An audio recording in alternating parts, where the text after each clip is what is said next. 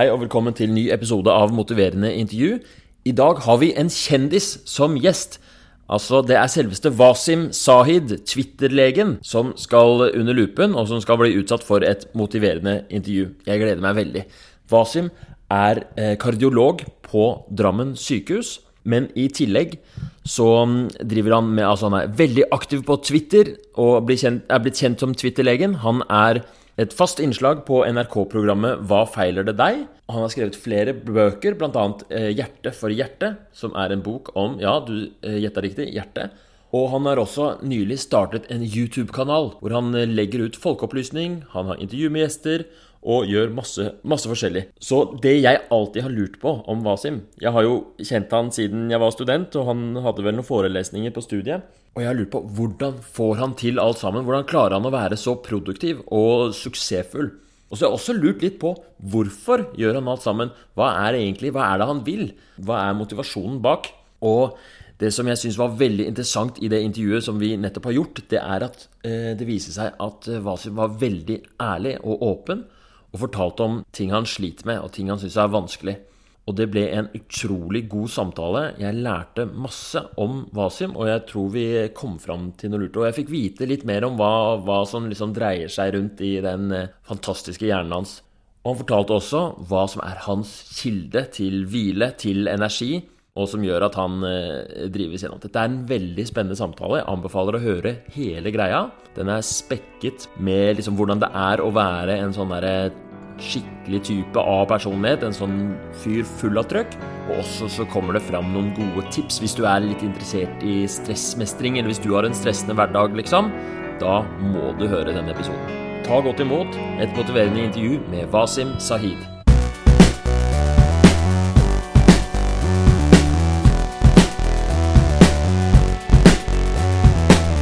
Velkommen til eh, motiverende intervju. I dag har jeg med meg eh, Wasim Sahid. Du er hjertelege. Hvor gammel er du? Jeg er eh, 44 år. 44 år. Bor i Lommedalen. Yes, i Bærum. Yes. Og velkommen til motiverende intervju. da. Er du spent? Tusen takk. Jeg er eh, veldig spent. Jeg har jo lest litt om dette, og hørt om dette også fra deg. Så jeg syns dette her virker veldig spennende, og eh, lurer litt på hvordan det går med meg, da. ja, det får vi se.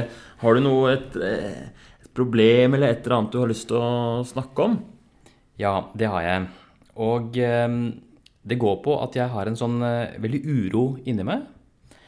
Jeg eh, tenker hele tiden på at det er noe mer jeg må oppnå, noe mer jeg må gjøre. Føler hele tiden at jeg er på en måte At jeg jager, jager et eller annet. da. Eh, og at jeg er på vei mot noe. Jeg skulle gjerne, Og det er en følelse som gir meg veldig sånn indre uro, og jeg tenker på det hele tiden. Kan eh, ligge på natten og våkne plutselig, så har jeg 100 tanker i hodet. Og, og så har det begynt å bli så ille at det går utover søvnkvaliteten min også. Eh, Jeg merker at jeg sover veldig lett fordi hodet på en måte, eller hjernen roer seg ikke ned. Jeg driver og tenker på det hele tiden, og så er jeg sliten på dagene, søvnig. Um, så det begynner å bli liksom et, et problem for meg. Og jeg vil gjerne på en måte slippe den følelsen av å hele tiden jage et eller annet. Jeg har lyst til å ha følelsen av å komme frem. Ja. Så det er, det er hovedsakelig en følelse som du har kjent på. Har du kjent på den lenge, eller? Jeg syns det har blitt uh, mer og mer med tiden, egentlig. Ja. Og kanskje verst det siste året. Og da har jeg spesielt merket at det har gått, begynt å gå utover ting som søvn, trening. Eh, Jeg er liksom ikke så motivert, jeg orker ikke. Selv om jeg vet at det, det hjelper jo å, å komme i gang med litt trening og sånt. Men jeg er så sliten i utgangspunktet, så gidder jeg liksom, finner jeg på unnskyldninger og prøver å rettferdiggjøre hvorfor jeg ikke skal trene. Eh, Så da, og og det, det er en side av meg jeg ikke liker. Det virker som det kanskje tærer litt på energien din sånn generelt. At uh... Mm. Veldig. Både at jeg gjør så mye ting, da. eh, Men også det at jeg hele tiden går og tenker på hva det er neste jeg skal gjøre. mm. Så det er både en følelse, en sånn indre uro, og så er det også eh, tanker.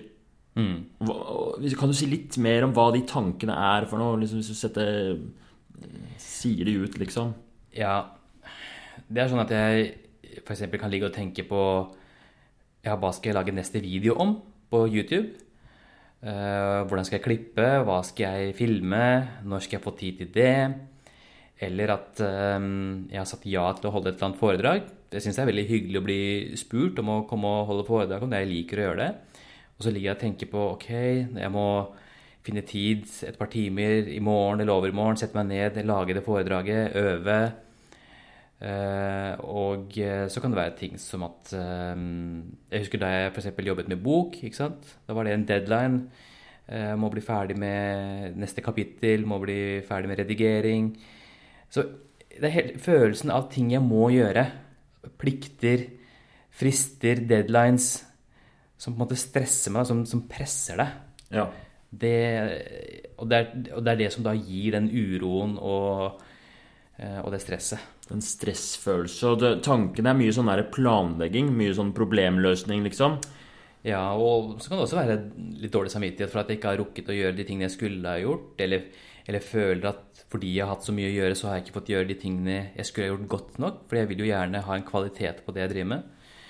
Uh, og da blir det til at du ja, setter deg opp og presser deg og, og, og, og prøver å gjøre mer, da. Ja. Uh, så, ja, så du blir litt oppjaget. Så du, på den ene siden har du uro, som kanskje stammer litt fra eh, en sånn situasjon du er i, da, hvor du er veldig produktiv og gjør veldig mye. Tar på deg mye oppgaver som krever kanskje litt planlegging og høy, mye tankevirksomhet. Så på andre siden så har du snakka om dårlig samvittighet for ting du ikke har gjort. Mm. Og som kanskje de, Det virker som det er kanskje to litt forskjellige ting, men at de spiller litt opp mot hverandre på en måte. Ja, og så for å komplisere det ytterligere, da så er det jo sånn at det at jeg gjør veldig mye, og det at jeg får til veldig mye, er også noe jeg er stolt over.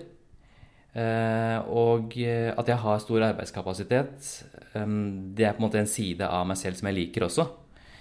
Så det at jeg sier ja til mye eller har planer om å gjøre mye, det gjør også at jeg får til mye. Som jo er en positiv ting. Så på en måte så er jo det altså, Hva skal jeg si det, det, gir jo meg ambisjoner også. Det gjør meg ambisiøs. Um, så Og det er jo også en, en verdi for eksempel, som jeg tenker at det er fint at barna mine ser. At man skal jobbe litt. Man skal jobbe litt hardt uh, for å nå resultater. Man kan liksom ikke bare slappe av gjennom livet.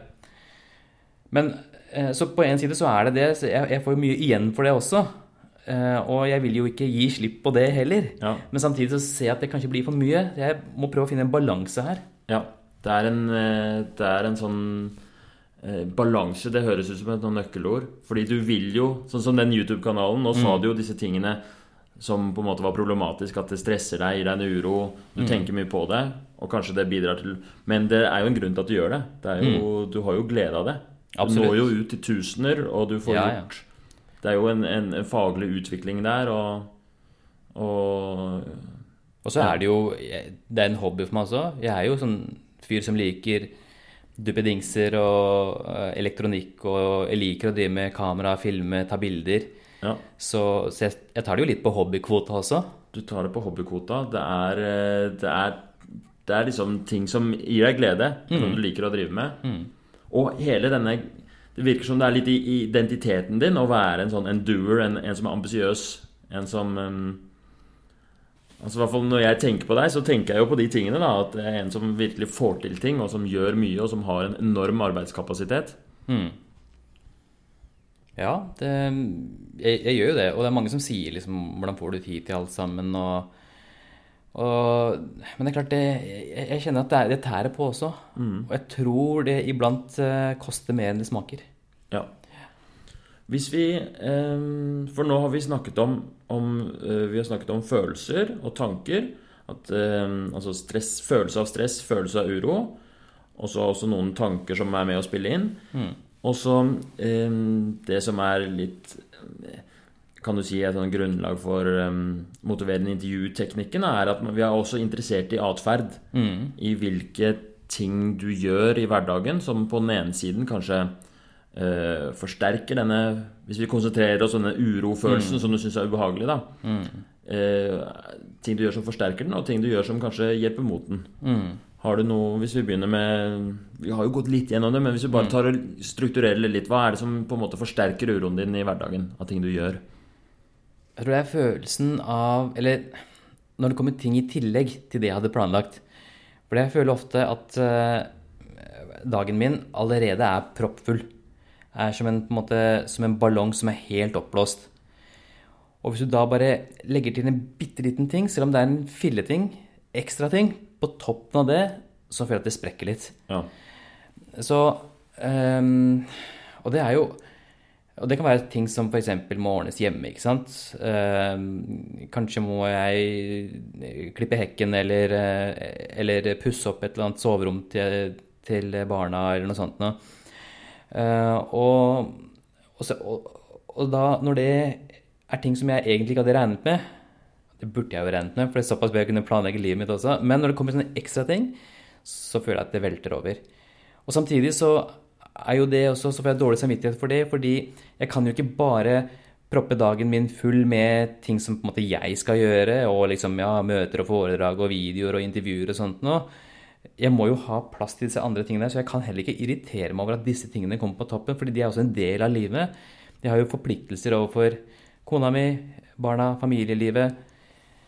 Så det, men det er klart, når det kommer sånne ekstra ting, og det trenger ikke bare være hjemme, det kan også være Plutselig så blir jeg innkalt til et ekstra møte på noe, eller en organisasjon jeg er med i. I det hele tatt, det at det kommer ting jeg ikke hadde regna med, det forverrer uroen veldig.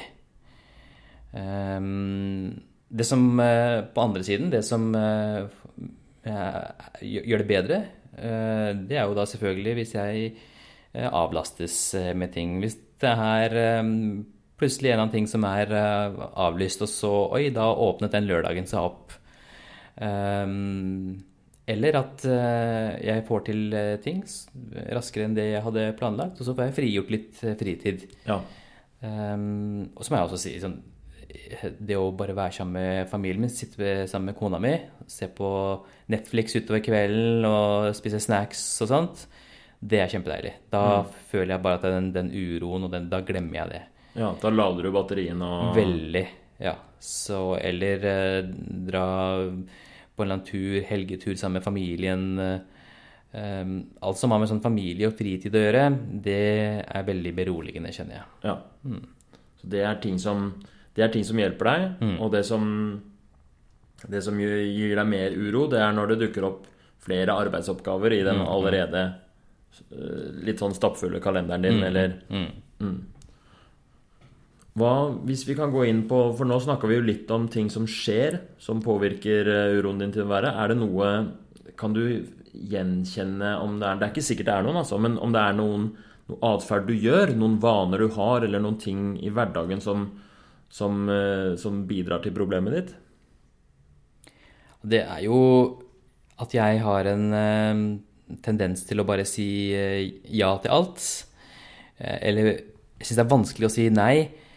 Eh, hvis f.eks. en journalist ringer meg og spør om jeg vil, eh, kan bidra på et radioinnslag, eh, så syns jeg det er ikke vanskelig å si nei, for jeg tenker at her er det en eller annen som har en jobb å gjøre, som har, trenger hjelp, har en forventning om at jeg kan hjelpe, har faktisk giddet å finne frem telefonnummeret mitt, ringe meg, prøve å snakke med meg.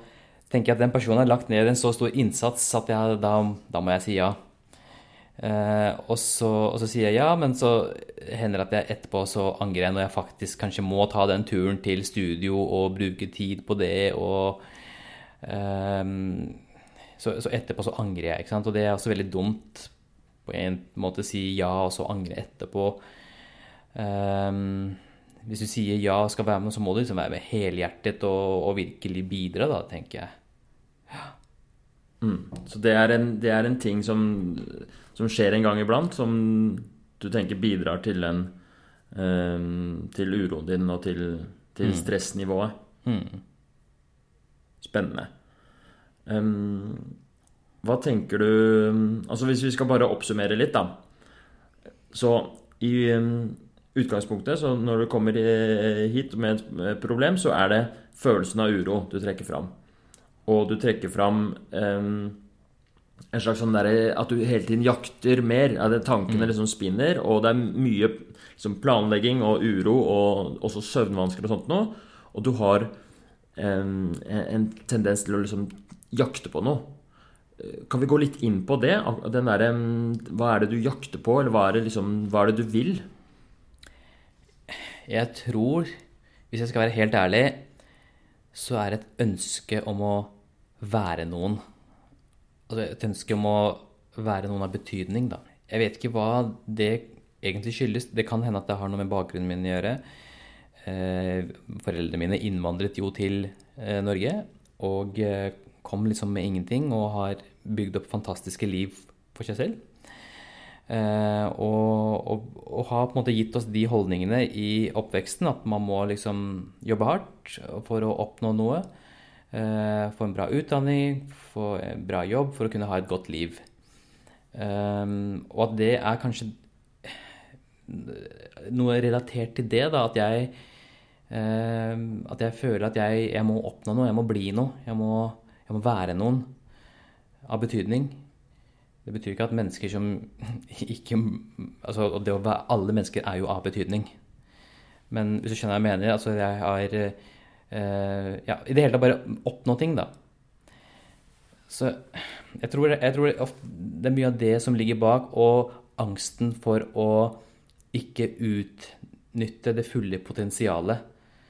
Eh, og bli liksom Når jeg er blitt pensjonist, og ser tilbake og tenker på at du, jeg jeg ga ikke alt. Jeg kunne endt et annet sted.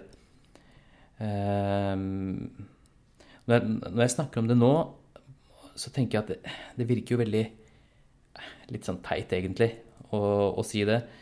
Uh, jeg burde jo egentlig være veldig takknemlig for alt jeg allerede har klart å oppnå. Uh, men det er liksom den greia der. Um, angsten for å se tilbake på livet og tenke at søren, jeg grep ikke alle mulighetene. Mm. Tror jeg en følelse mange kjenner seg igjen i. Mm. Den der, fordi du, har, du, kommer fra en viss oppvekst hvor, hvor, um, hvor det nesten er sånn For å overleve så må man ha en viss sånn drive, og for å, man må virkelig liksom uh, gønne litt på for å, for å, komme seg ut av kanskje en fattigdom, eller i hvert fall en, en, en sånn, å være innvandrer i, i Norge mm. fra Pakistan, ikke sant? Um, det, det, er liksom nødvendig. Og så er det morsomt det du sier da, at du syns det eller, Når du snakker om det nå, så er det et eller annet du legger merke til at eh, Både det du sa om at eh, jeg har lyst til å være noe av betydning, mm. og så retter du sier sånn Alle mennesker er jo noe av betydning, mm. men det er på en måte som den regelen ikke helt gjelder for deg. for at du skal ja. være av betydning, så må det være liksom ja. Ikke, ikke, at det er noe feil i det, fordi det er jo ja. Det her er jo ambisjon som driver deg, mm. liksom. Mm. Men som det virker som kanskje samtidig også kan bidra til en uro, da. Ja. ja det er nettopp det det er. Liksom. Det er den balansen der.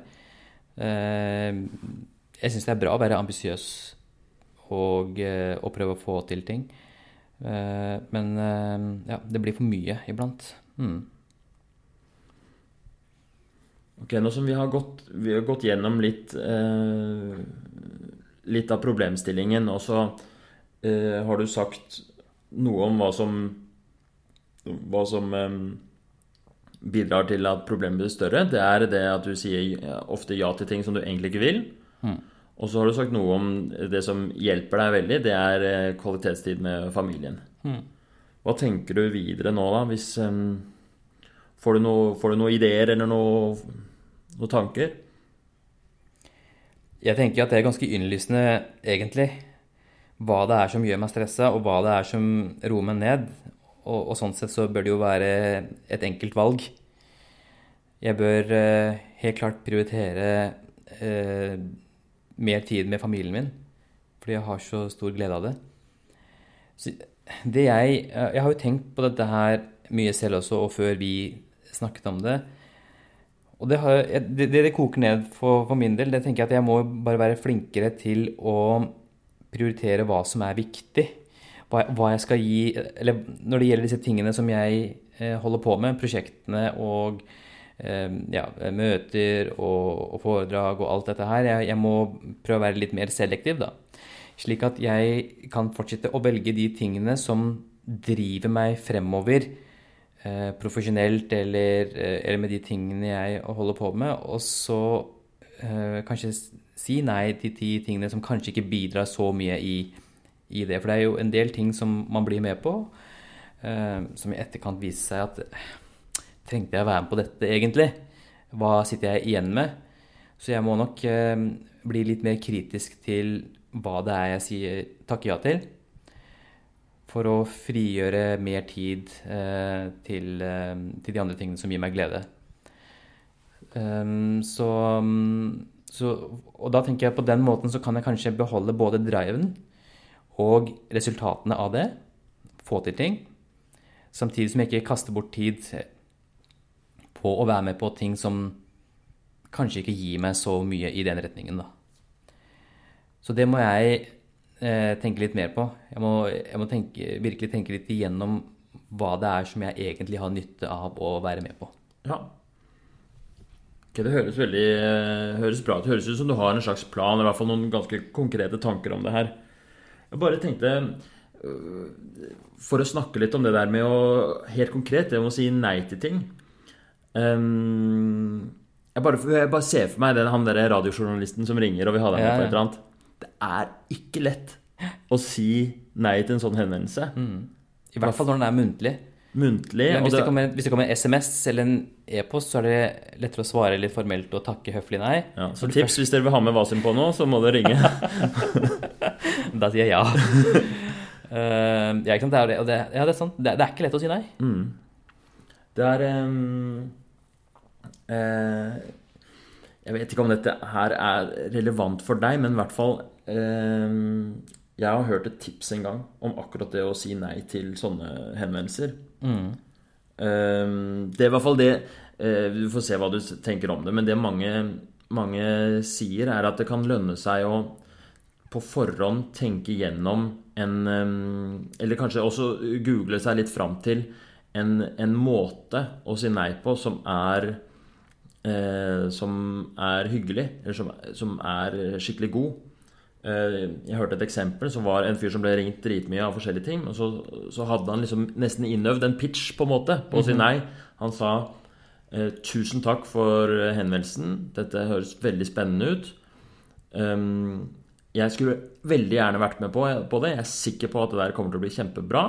Men pga. at jeg har syns det er så viktig for meg å drive med det og det og det, så har jeg valgt å si nei til nesten alt jeg blir spurt om i den nærmeste framtid. Og så hadde en sånn innøvd som mm. gjorde det lettere for han å si nei. Mm. Um, hva tenker du om sånne Har, har du noe, noe, erfaring med sånn Nei, uh, men det, det, høres jo bra ut. Han sier jo nei på en høflig måte, og samtidig som han gir en god forklaring på hvorfor han sier nei. Uh, og det jeg tenker at det, det, føles jo godt både for han og mottakeren. da, At har, mottakeren har følt at uh, vedkommende har blitt tatt på alvor. Uh, og han kan også si nei med god samvittighet. Um, det der tror jeg var kjempelurt. Men en annen angst som jeg har rundt det, da, det er jo at hvis man stadig sier nei, så slutter henvendelsen å komme. Nemlig. Og det er jo, ikke sant Jeg vil jo ikke det heller. Jeg vil jo gjerne uh, være med. Eh, og fordi jeg liksom, har så høye tanker om meg selv at jeg føler at jeg har noe å bidra med. ja. um, så, så, jeg syns jo det er veldig flatt altså jeg, jeg, blir jo veldig smigret når, når folk tar kontakt. Ja. Og, uh, og, jeg er også redd for at hvis jeg sier nei for ofte, så slutter de å ringe. Så ringer de en eller annen. Ja. Uh, og en annen jævla kardiolog og Ikke sant? Så mister jeg den posisjonen som mm. jeg eh, har i Mister den stemmen da, som jeg har inn i helsedebatten eller uh, Ja. Så, ja, så det er også det. Man det var interessant jo... at det dukket opp nå, da. Ja. Det er du har, du har, et mål med altså, det er ikke bare, Problemet er ikke bare at du blir spurt om ting og syns det er hyggelig å være med, men det er litt det at det er en grunn til at du gjør det. Mm. Mm. Som inngår i den prioriteringa du snakka om? Så jeg syns det er kjempeviktig med eh, formidling. eh, folkeopplysning, sånn som du også driver med. ikke sant? Så du vet jo, og, og du driver også med dette her av en grunn, fordi, fordi vi føler jo at det er ting som er nyttig for folk å høre. Eh, og eh, så, så, det med formidling, det er jo hver gang Og jeg har en sånn rar greie inni meg, jeg vet ikke om du kjenner deg igjen i det, men hver gang jeg lærer noe nytt, uansett hva det er, om det er et eller annet teknologisk, om det er noe innen medisin, hvis jeg leser en artikkel, hvis jeg ser et eller annet program, leser noe på nettet Min første tanke pleier å være å, dette må jeg dele med andre. For dette, jo, dette, er jo så kult, dette må folk høre om. Uh, og jeg vet ikke hvorfor jeg har på en måte den tanken. Det er nesten som en instinkt hos deg, liksom, en refleks. Yes. Mm. Og, det, og, det, er på en måte det som driver min sånn folkeopplysning, formidlingsgreie. da. Um, fordi jeg tenker det er så viktig å dele kunnskap med andre. Jeg får ikke noe for det. Altså, jeg får ikke noe igjen for at andre lærer seg dette her. Men jeg, noen ting, enkelte ting syns jeg bare er så viktig at det bør folk få høre om. Ja. Det tror jeg er en så nyttig eh, egenskap. Eh, det skal vi være så glad for at du har. Du òg. ja.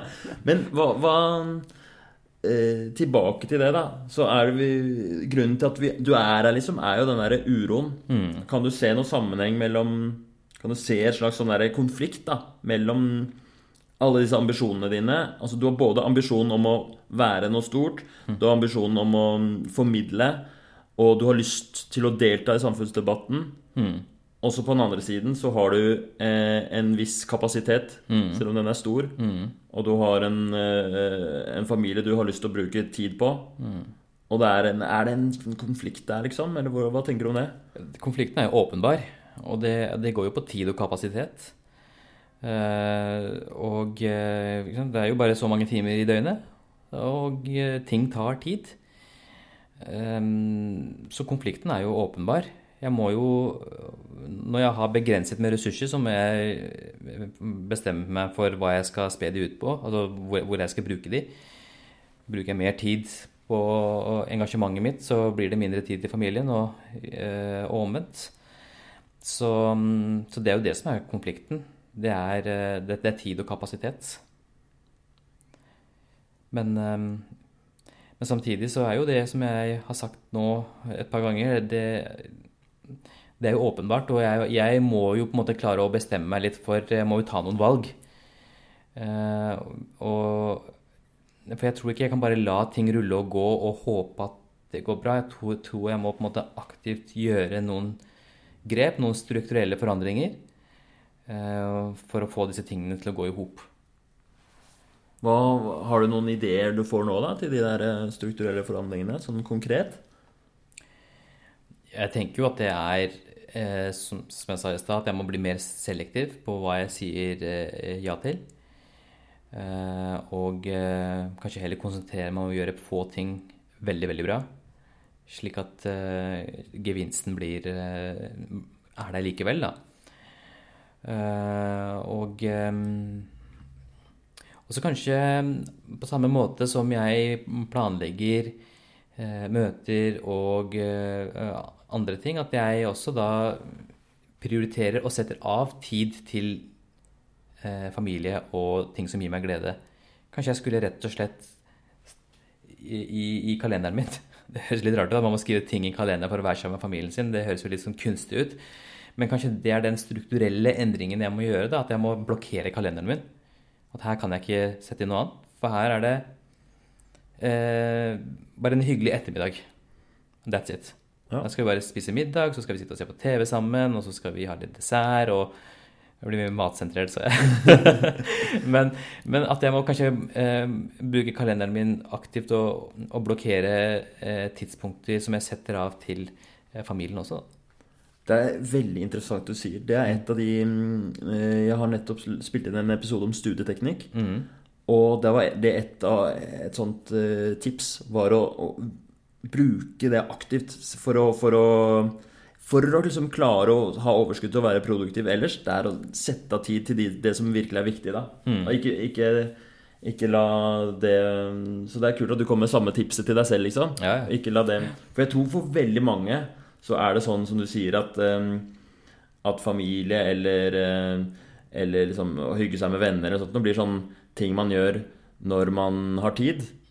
At man at, eh, Men, men, men eh, jeg liker veldig godt den ideen. Jeg syns den var veldig kul. Jeg Kan prøve den i hvert fall. Så se hvordan det funker. Kanskje ikke det blir til at jeg ja, Jeg vet ikke om jeg klarer å overholde det. Det er det som blir utfordringen. Og hvis vi liksom ser på det, det vi har fått til nå, da, er at vi har gått fra Vi har diskutert litt eh, problemet, og så har vi kommet fram til en sånn Egentlig kom du selv fram til en litt sånn konkret endring du kan gjøre. Ja. Som var å Det ene handler om å, å, å prioritere å være mer selektiv. Og det andre var å aktivt sette av tid til det som du føler fyller på batteriene dine, og er liksom motvekten i dette her, da. Um, En, eh, en, en måte å på en måte virkelig konsolidere det siste på, da, det er jo å ta flere turer med familien. Enten liksom leie en hytte for en helg eller, eller noe lengre. Eh, For da, det kan du ikke avlyse. Nemlig. Det kan du ikke presse ut. Og, og det er jo ting som vi liker kjempegodt. Vår familie fungerer ekstremt bra på tur. ok, så kult. Bedre enn hverdagen. Nei da. Så, det er, eh, så det er jo også en veldig strukturell liksom. Eh, Planlegge flere sånne korte turer. hvor man Da, da er man tvunget. Da er man borte. Ja. Da kan du ikke gjøre noe annet. Da, du, det kan ikke, du kan ikke delta i noe radiostudio da. Da blir det mye lettere å si nei til den, liksom. Ikke sant? Og da får du jo veldig forståelse også. Sorry, jeg er bortreist med familien. Og det skjønner jo alle at det er Ja. viktig. Mm. Ja. Det er jo en kjempe Men er dette eh, Så det kunne vært Det er litt eh, Hvor ofte er det du har planlagt sånne turer tidligere, da? Nei, det er jo Det er jo ikke så veldig ofte. Det blir jo selvfølgelig i ferier og sånt. Men i, i hverdagen eh, så kan det jo gå mange helger på rad uten at det blir noe sånt noe. Men, eh, men kanskje skulle hatt sånn da, en helg i måneden, noe sånt noe. Det trenger ikke være en, noe som koster veldig mye heller, tenker jeg. Men at man bare på en måte kommer seg, kommer seg vekk og er litt utilgjengelig.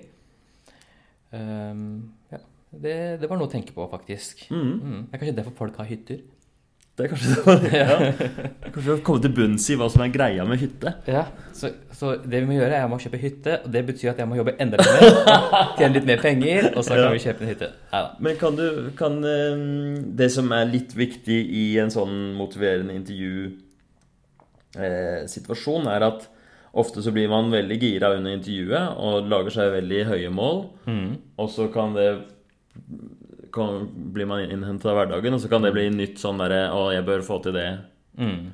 Så går det an å, å på en måte gjøre eh, det første steget litt sånn enklere, og litt sånn en sånn konkret ting som ja, fordi når du sier én hyttetur hver måned, Mm. eh, kjøpe hytte, Ja. liksom, det blir litt stort, da. Det blir veldig stort. Om du kan finne noe mindre som er sånn 100% bankers, som du vet er liksom inne på dette som du tror er bra, men samtidig også er veldig gjennomførbart. Ja. ja, man kan jo ta en tur bare, gå tur i skogen eksempel, det er jo sunt. Det, det, det roer deg ned, og så er det jo også um, Ja, man kan gjøre ting som ikke over, innebærer overnatting, da, for det er alltid litt mer styr. Det er litt mer styr. Ja. Så, men eh, man kan jo bare Ja, søndagstur. Det er jo veldig lav terskel. Være flinkere til sånne ting. Og da tror jeg du kombinerer både det at du eh, kommer deg vekk og gjør et eller annet, og det å Jeg har jo veldig troen på det å bevege litt på seg. Gå, få litt frisk luft, liksom, få litt andre impulser, se deg litt rundt, se på trærne, fuglene og sånne ting. Og litt sånne enkle inntrykk, da, som jeg tror er veldig bra for hjernen, i stedet for å kverne på veldig avanserte tanker og, og planer og sånt noe.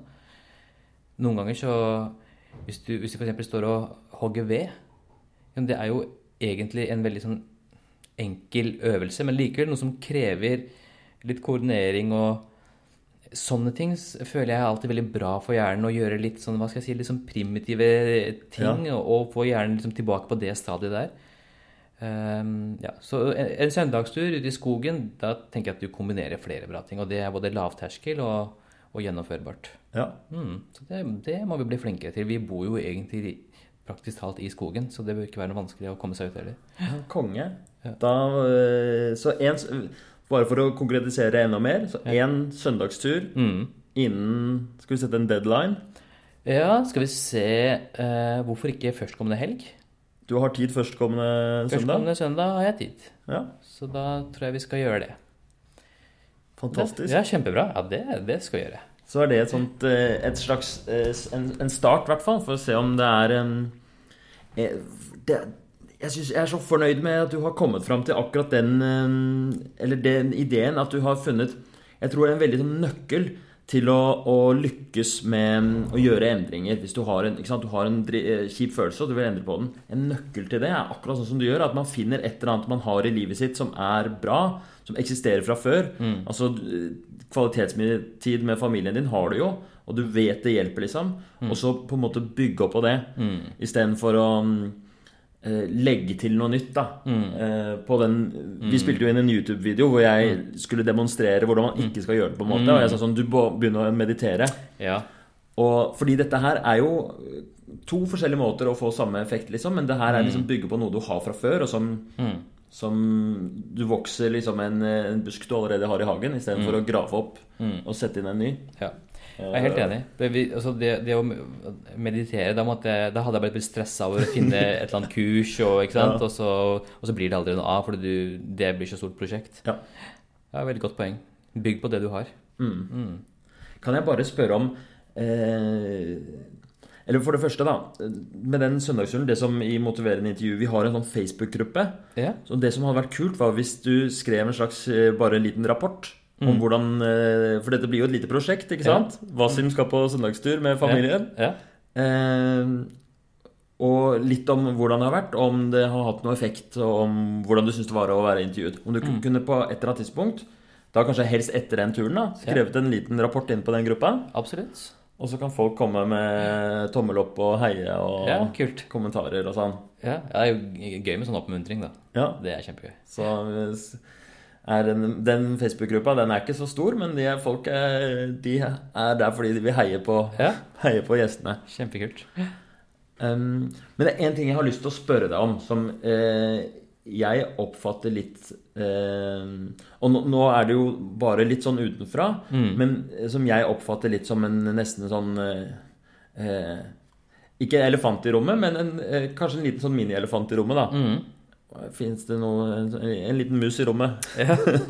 det er at du sier at du har hatt um, siste året hatt voksende uro. Ja. Og Eh, jeg registrerer at det siste året så er det også da du har vært mest aktiv med den YouTube-kanalen. Mm. Og eh, YouTube-kanalen, der driver du jo med mye veldig bra formidling og mm. sånt nå. Men jeg merker også at du har vært eh, veldig uh, på med å markedsføre mm. og, og, spre det. Mm. Og det er jo kjempebra ikke sant? for å vokse publikummet og for å nå ut til mange med ting som du mener er bra, og jeg også mener er veldig mm. bra.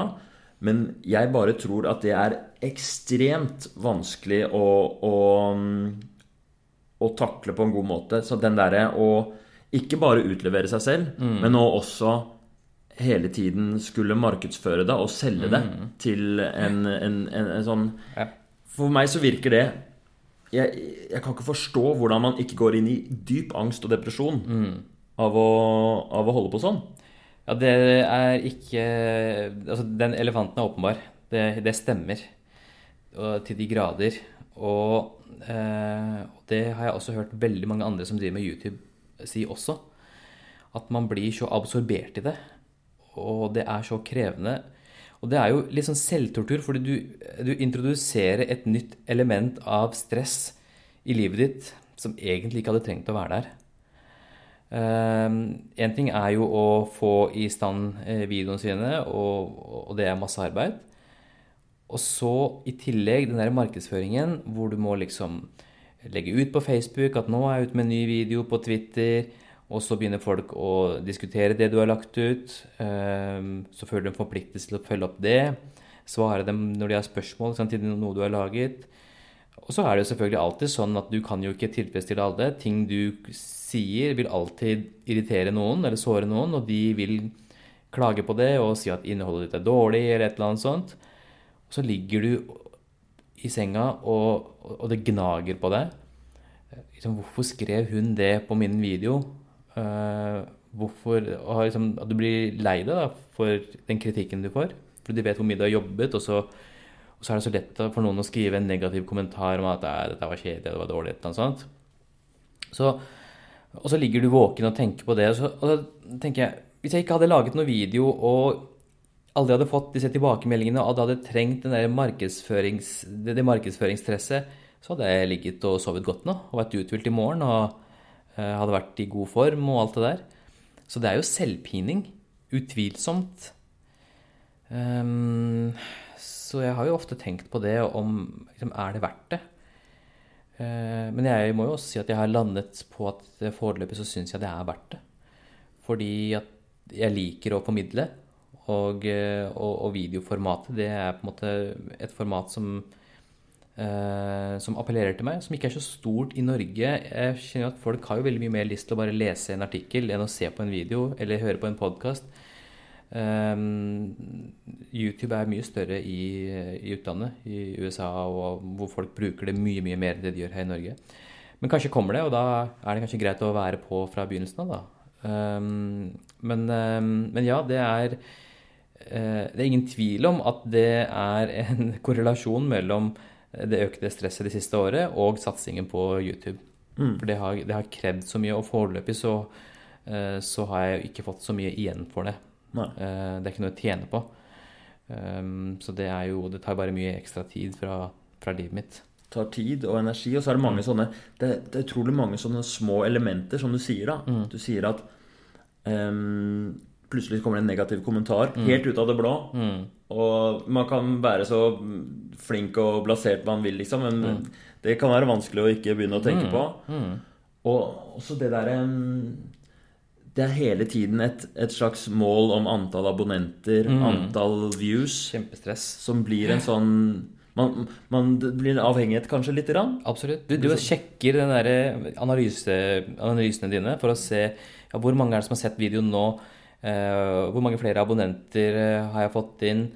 Uh, og så tenker jeg, det er også, For et år siden det er også en ting jeg ikke gjorde. Mm. Det eksisterte ikke engang. Mm. Og nå er det der. Um, så det Ja, det er, det, det er ikke noe tvil om at den elefanten mm. er der. Ja. Mm. Har du noen um, som Altså fordi du sier Det er ikke så mange som driver med YouTube, og i hvert fall sånn, i legekollegiet mm. så er det veldig få som stikker seg ut på den måten. Mm. De fleste gjør jobben sin, og så går de hjem, og så mm. har de De har ikke Facebook engang, liksom. Ja, ja.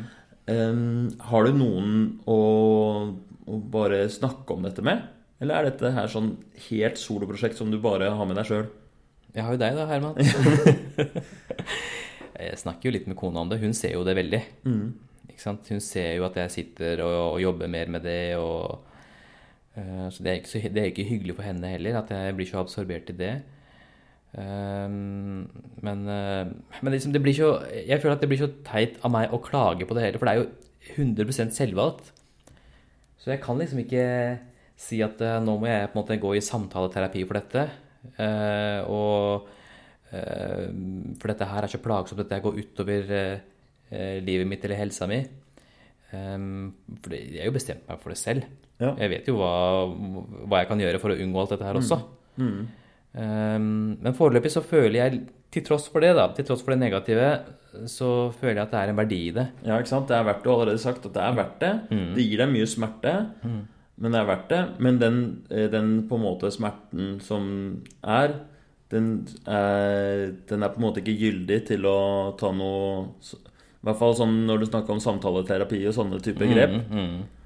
Um, jeg bare var, Jeg syns det var interessant også mm. fordi um, Fordi jeg tror Jeg tror i hvert fall folk som um, Folk som driver med uh, Altså om det er å produsere video eller blogging eller uh, Altså alle Det er jo en armé av Instagram-kjendiser og mm. sånt nå. Mm. Og jeg tror uh, deres psykiske helse er jo det er et, Jeg syns i hvert fall det er et veldig interessant tema. Det er kanskje et tema for en annen eh, diskusjon, men, eh, for nå begynner vi å, å bruke opp mye tid her.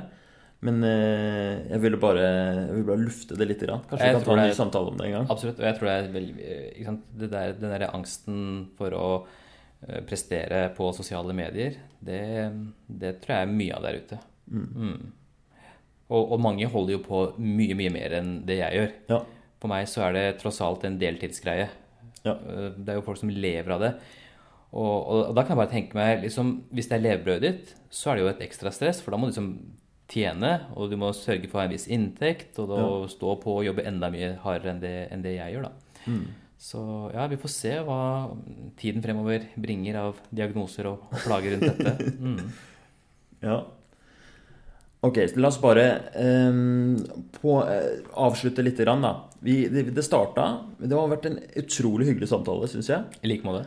Eh, og vi har snakket om et problem som Altså uro og stress egentlig har vært hovedtemaet.